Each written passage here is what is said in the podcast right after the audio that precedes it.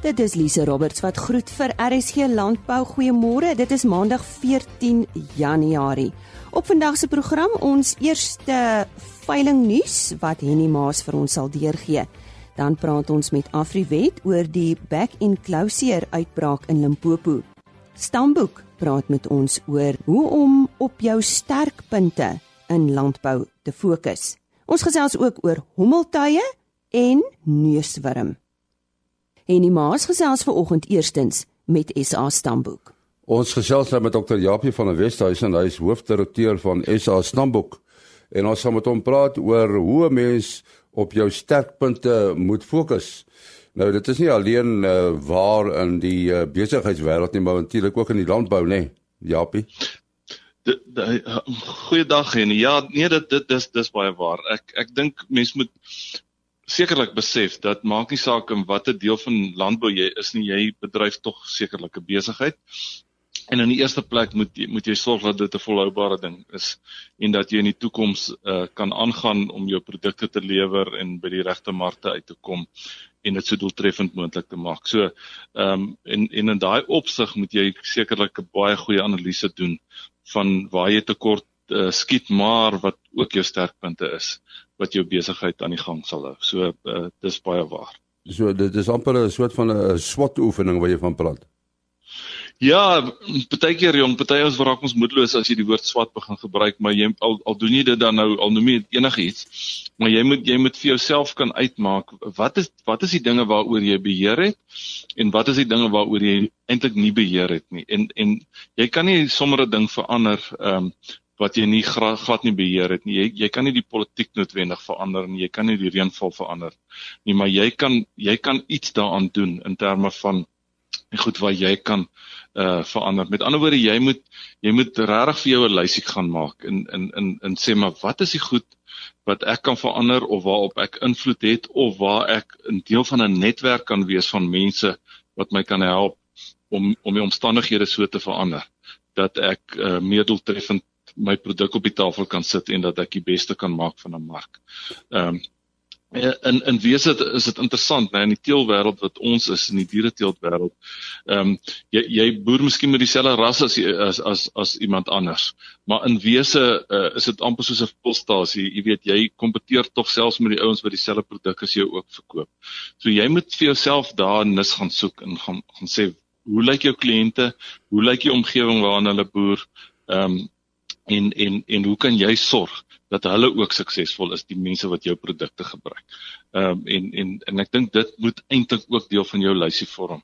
Uh ehm um, as jy hierdie besluite maak uh, rondom dit. So sou dit wys wees om byvoorbeeld 'n konsultant te kry om jou te help daarmee. Ek ek dink ons leef mos in 'n inligtings uh ontploffing, né, nee, uh in die tyd wat ons leef. Uh um, ek gebruik altyd die woord Google, né. Nee, Google het 'n werkwoord geword. Uh dis nie net 'n dit is nie net 'n produk nie. En en ek dink dit is dit dit is wat 'n mens vir jouself moet sê en en so jy moet allerlei eksterne bronne gebruik. En as jy 'n konsultant gebruik of 'n kenner uh op die gebied, uh dan is dit ook reg, maar op aan die einde van die dag, nee, gaan dit oor jy wat self as 'n ondernemer wat die besluite moet maak en daai besluit en en die gevolge dra van jou besluite. Die konsultant of die kenner of die uh iemand wat jy ingekry het om jou te help, hy gaan nie die of sy gaan nie die gevolge daarvan dra nie, jy gaan die gevolge daarvan dra.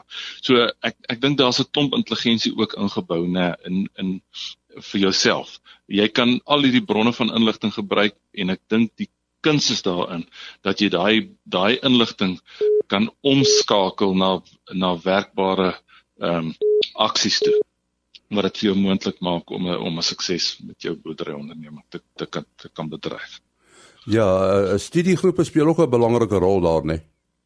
Ja, weet jy, die die tradisionele ou studiegroepe, soos wat ons dit maar in die ou tyd geken het, dit het al verval, né, nee, maar ek dink net ehm um, 'n mens moet jy moet amper vir jou amper 'n nuwe ek wil amper sê familie skep. Ehm uh, of dit nou jou te, medeteelers is uh, of dit die ouens in jou omgewing is wat deel van jou wat wat dieselfde tipe ondernemings as jy het maar jy moet sorg of elektronies né jy moet jy moet jy moet uh, die internet deesdae kan jy baie lekker gebruik en die Engelse woord is benchmarking né jy moet jouself kan meet aan sekere maatstawwe. En nou daai maatstawwe kan ekonomies wees, dit kan biologies wees.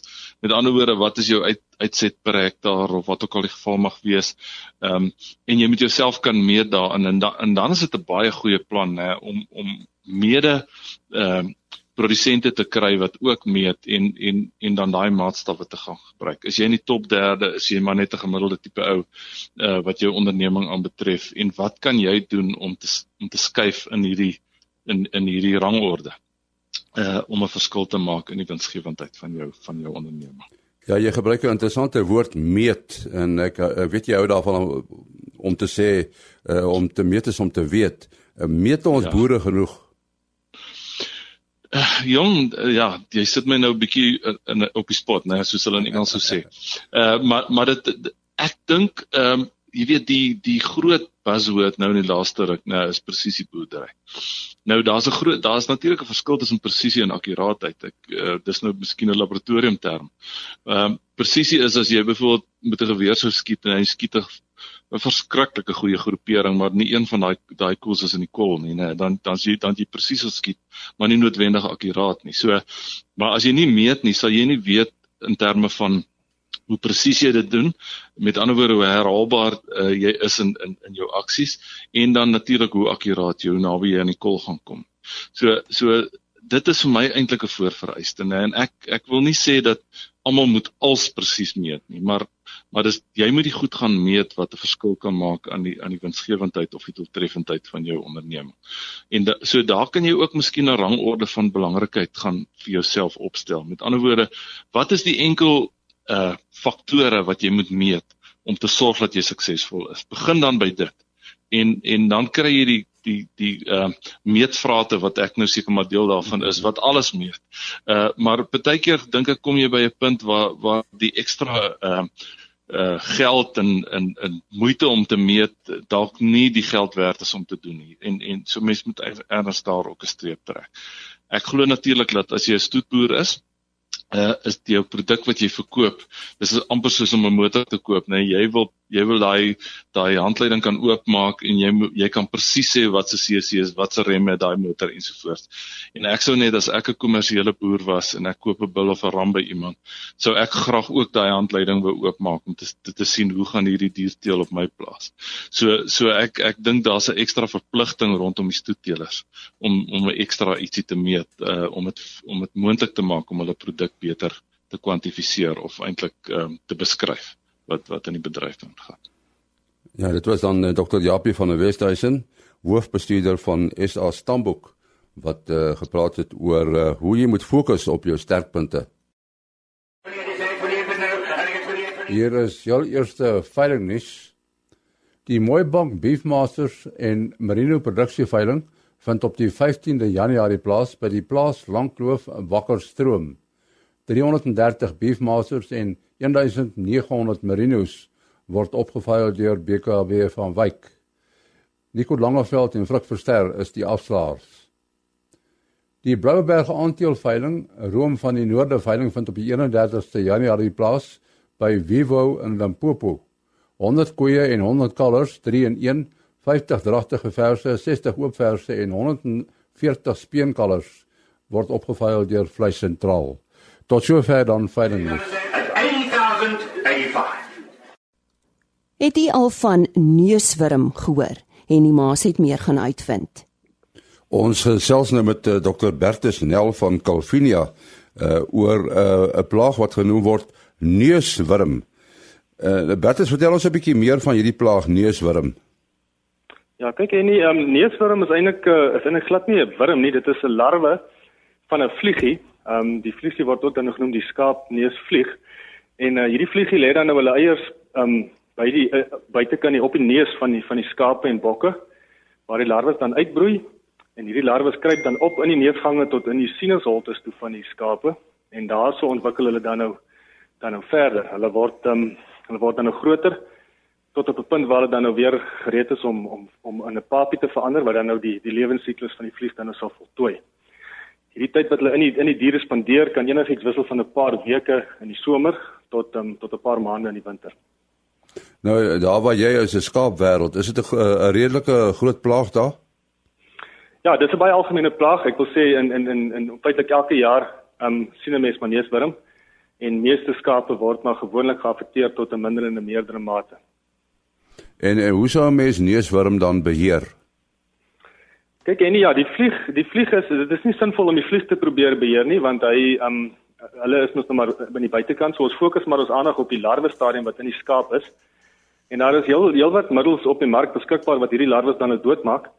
So um, die boere moet maar net mooi kyk op die op die etiket van die van die middels by die by 'n koöperasie of waar ook al hulle middels aankoop. En dan uh, sal jy sien daar is baie van hulle wat geregistreer is vir die behandeling van neuswurm. Nou ons um, ons teiken maar gewoonlik hierdie larwes in die somermaande wanneer hulle wanneer die vliee op hulle aktiefste is en die larwes dan nou um, op hulle volopste is. Um, dan behandel ons nou maar die diere om die simptome dan nou ook te beheer. En dan is dit ook belangrik om om in die wintermaande wanneer jy eintlik nie simptome sien nie, um ook maar 'n behandeling te doen want op deur dit te doen maak jy nou weer die larwes dood wat um wat oorwinter in die in die dier self. Dit lyk my dit is uh, maklik om hierdie uh, plaag te verwar met ander plaae. Ja, daar is 'n paar dinge waarmee dit kan verwar. Die die belangrikste simptome van neuswurm is maar 'n snotterige neus. Dit is eintlik maar al wat jy sien. En daar is ander dinge wat vir jou soortgelyke tekens kan gee. Ek dink byvoorbeeld aan iets soos blou tong baie keer het het ook maar 'n slijmerigheid by die neus en so aan. 'n Dier wat ehm um, wat longontsteking het, pastorelle longontsteking, hulle het ook maar 'n ook maar 'n slijmerigheid by die neus. En dan baie keer waar diere net bloot onder stowwerige omstandighede ehm um, uh, lewe of aangehou word en of waar hulle baie stowwerige ehm um, fyn voer gevoer word um, is daar baie keer ook maar 'n irritasie van die neus neusgange en dan het dit ook maar 'n snotterige neus wat wat wat baie kan lyk soos neusworm ja. Ons en dan hartlik dank aan uh, eh, Dr Bertus Nel van Calvinia wat uh, gesels het oor 'n neusworm. Voor ons uh, voortgaan met ons program, ons kry heelwat navrae oor die inhoud van ons program. Dalk 'n telefoonnommer wat u nie kon neerskryf nie of onderhoud wat u misgeloop het. Ons herinner net weer daaraan dat die gewone RSG webtuiste al die RSG programme word daaronder potgooi gelaai. Dit is www.rsg.co.za. En dan is daar nog 'n webtuiste waar ons onderhoude apart gelaai word. Dit is www.agriorbit.com. Klik net bo in die bladsy op broadcast en dan RSG landbou. www.agriorbit.com. Ons gaan voort. Ons volgende gesprek is oor hommeltuie en soos jy weet word hommeltuie al hoe meer in landbou gebruik. Nou praat ons met uh, Andre Ferreira van die uh, Departement Landbouekonomie aan die Universiteit van die Vrystaat. Ons gaan spesifiek praat oor hommeltuie en hoe hommeltuie in die landbou gebruik word. Hommeltuie uh, is eintlik 'n relatiewe nuwe uh, ek wil amper sê 'n nuwe instrument wat uh, boere kan gebruik, nê? Nee? Ja, hommeltuie is is relatief 'n nuwe instrument. Dit sal 'n redelike ehm um, rukkie beskikbaar in die landbou, maar dit was 'n 'n relatiewe moeilike ehm um, instrument om te gebruik omdat die boere self die instrument sou moes opstel en hom programmeer om te gebruik in die landbou. Ehm um, waar daar nou nuwe ehm um, hommeltuie is wat reeds geprogrammeer is en reeds reg is om om te vlieg. En in watter dele van landbou word hommeltuie eintlik gebruik? Seker akkerbou byvoorbeeld. Hommeltuie word uh, hoofsaaklik in die akkerbou gebruik, ehm um, en baie in besproeiing. Uh, daar is geleenthede vir dit in die veebedryf ook. Maar die huidige uitbreiding is hoofsaaklik meer in in akkerbou. En, en wat van besproeiing? In die besproeiingssektor ehm um, is daar baie meer ontwikkeling of is baie makliker omdat 'n standaard kamera kan maklik uit die lug uit sien of daar lekkasies is en mense kan maklik die areas identifiseer wat oor op onder besproei word. En met die gebruik van 'n van 'n uh, infrarooi kamera is dit heelwat makliker om hitte en 'n koue kolle in die grond te sien. So mense kan maklik identifiseer waar lek jou pipe en byvoorbeeld waar is die die die dekking van die plante nie so goed oor die grond nie en dit is is duidelik 'n punt waar die besproeiing nie so baie uitgekom het by nie. En dan natuurlik die veebedryf. Eh, ek weet van 'n boer wat nou wat uh, hommeltuie gebruik om sy beeste te soek, nee, dit is baie handig. Ja, in die veebedryf is dit is dit 'n uh, dis stadig besig om in te kom en dit is net soos jy sê, dis baie baie handig om om diere te soek en diere te tel. Daar is 'n uh, sagte ware nou op die mark wat fisies jy vlieg met die hommeltuig bo oor ehm um, jou kudde en hy identifiseer self die diere en hy tel hulle vir jou. En met infrarooi kameras kan mens so ver gaan om fisies die diere se ehm um, hitte te te meet en jy kan sien wanneer word wanneer is die siek en wanneer is daar 'n heel moontlike probleem by 'n sekere dier. Nou kan enige iemand 'n hommeltuig koop en gebruik. Is wat wat is die wetgewing uh se vereistes? Die wetgewing vir private gebruik is redelik ehm um, redelik min. Uh en enige persoon kan 'n hommeltuig koop. Die probleem begin inkom wanneer die hommeltuig vir kommersiële gebruike gebruik word. Dan is daar redelike streng wetgewings. Vir die private ou is die wetgewing redelik eenvoudig. Ehm um, 'n mens moet 50 meter weg bly van enige huise of mense af. Mens mag nie bo oor mense vlieg nie, mens mag nie naby ehm um, lughawens en enige uh, private eiendom of enige regeringsinstansies vlieg nie. Ehm um, ja, so vir private gebruik is die wetgewing relatief maklik. Mens mag nie sover ek weet verder as 500 meter vlieg nie. Die ommeltuig mag nie uitsig uit gaan nie. Maar vir vir kommersiële gebruik is daar redelike streng wetgewings. Daar sou is uh twee lisensies wat mens uh, moet verkry waarvan een die operateur sertifikaat is en die ander een is fisiese lisensie om die hommeltuig te mag vlieg. En en is die hommeltuie nog so duur? Die die prys van die hommeltuie varieer relatief, ja. Ehm um, daar is 'n goedkoper opsie wat hier in die omgewing van R20000 is wat 'n 'n baie basiese monitering kan doen wat net vir mense beeld 'n basiese beeld uit die lug uit kan gee. Uh die die hommeltuie wat bietjie groter is wat in 'n uh, hoër windspoed kan vlieg en verder en hoër kan vlieg is nog relatief baie duur. Hulle varieer in die omgewing van tussen 30 en 60000 rand net vir die hommeltuig alleen. Dan daar's baie duurder opsies wat die hommeltuie tot 100 000 rand kos. Hierdie hommeltuie kan tot 8 km ver vlieg en party van hulle kan vir 'n uur lank in die lug bly. Daai hommeltuie het ook nog nie 'n kamera op nie. Die kameras varieer in die omgewing van tussen 30 en 90 000 rand vir die infrarooi kameras as ook tussen 15 en 60 000 rand vir 'n gewone kamera. So dit is nog 'n taamlike baie duur toestuk toelisting maar die die voordele wat daai getrek kan word is is baie hoog. Also dit was aan Andrei Ferreira van die Departement Landbouekonomie aan die Universiteit van die Vrystaat wat uh, gesels het oor hommeltuie in die landbou. Ons uh, gesels nou met Dr Pieter Ouberim van Afriwet. Nou het seker gehoor van die uitbraak van uh, back and closure in die Wembe gebied daar langs die Limpopo rivier. Uh is dit 'n uh, groot gevaar op die oomblik Pieter? Ja, dis nogal 'n taai vraagie. Dit's 'n area waar jy uh, as jy 'n uh, uitbraak sou verwag het, uh dit daar sou verwag. Uh die redes is tweefoud. Dis teen die grens en Zimbabwe is om dit so mooi soos wat ek kan stel vrot van die Bekkenklou. Ehm um, en dit is ook naby aan die Kreerwildtuin. So uh jy weet ons het mos beheerde areas daar wat Bekkenklou uh, betref. So dis 'n area waar jy dit sou verwag as dit as daar een moet wees.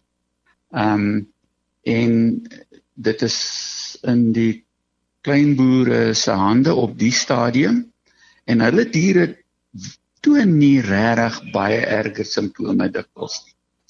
Ehm um, so eintlik uh, wat die siekte self betref is dit nie 'n groot issue nie. Maar die groot probleem kom met die beheermaatreëls wat wêreldwyd eintlik heidaglik toegepas word. En dit gaan oor 'n geografiese benadering. Met ander woorde, jou land is skoon of jou land is nie skoon nie. En as jou land skoon is, dan uh, kan jy uitvoer en as jou land nie skoon is nie, mag jy nie uitvoer nie. Selfs ek wat in die Waterberg is, as ek 'n bietjie van my produk wil uitvoer, kan ek nie meer nie. Want ons het nie meer 'n and claw vrye status nie. So eintlik die gevolge is erger erger as wat die siekte self eintlik is. So wat wat staan mense nou te doen? Op die stadium moet ons dan maar eh, in die staat se hande bly. En dit is hulle plig om op te tree soos wat goedgekeur is om uh, ontslae te raak van die infeksie.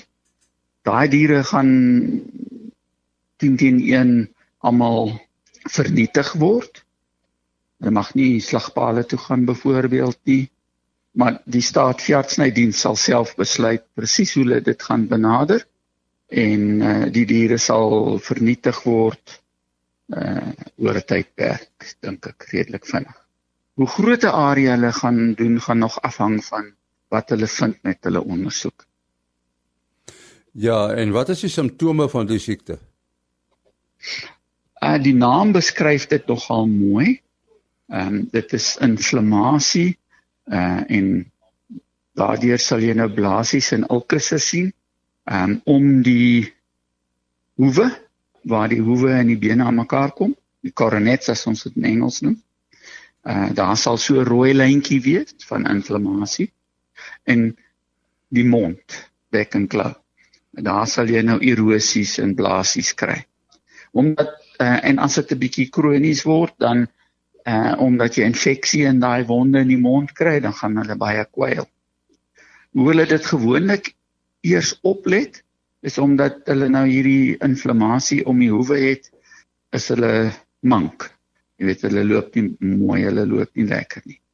Wat interessant is is jy gaan nie jy weet in in ons tipe diere, veral daai diere wat hulle nou eeue lank mee geboer het in die bek en klou areas.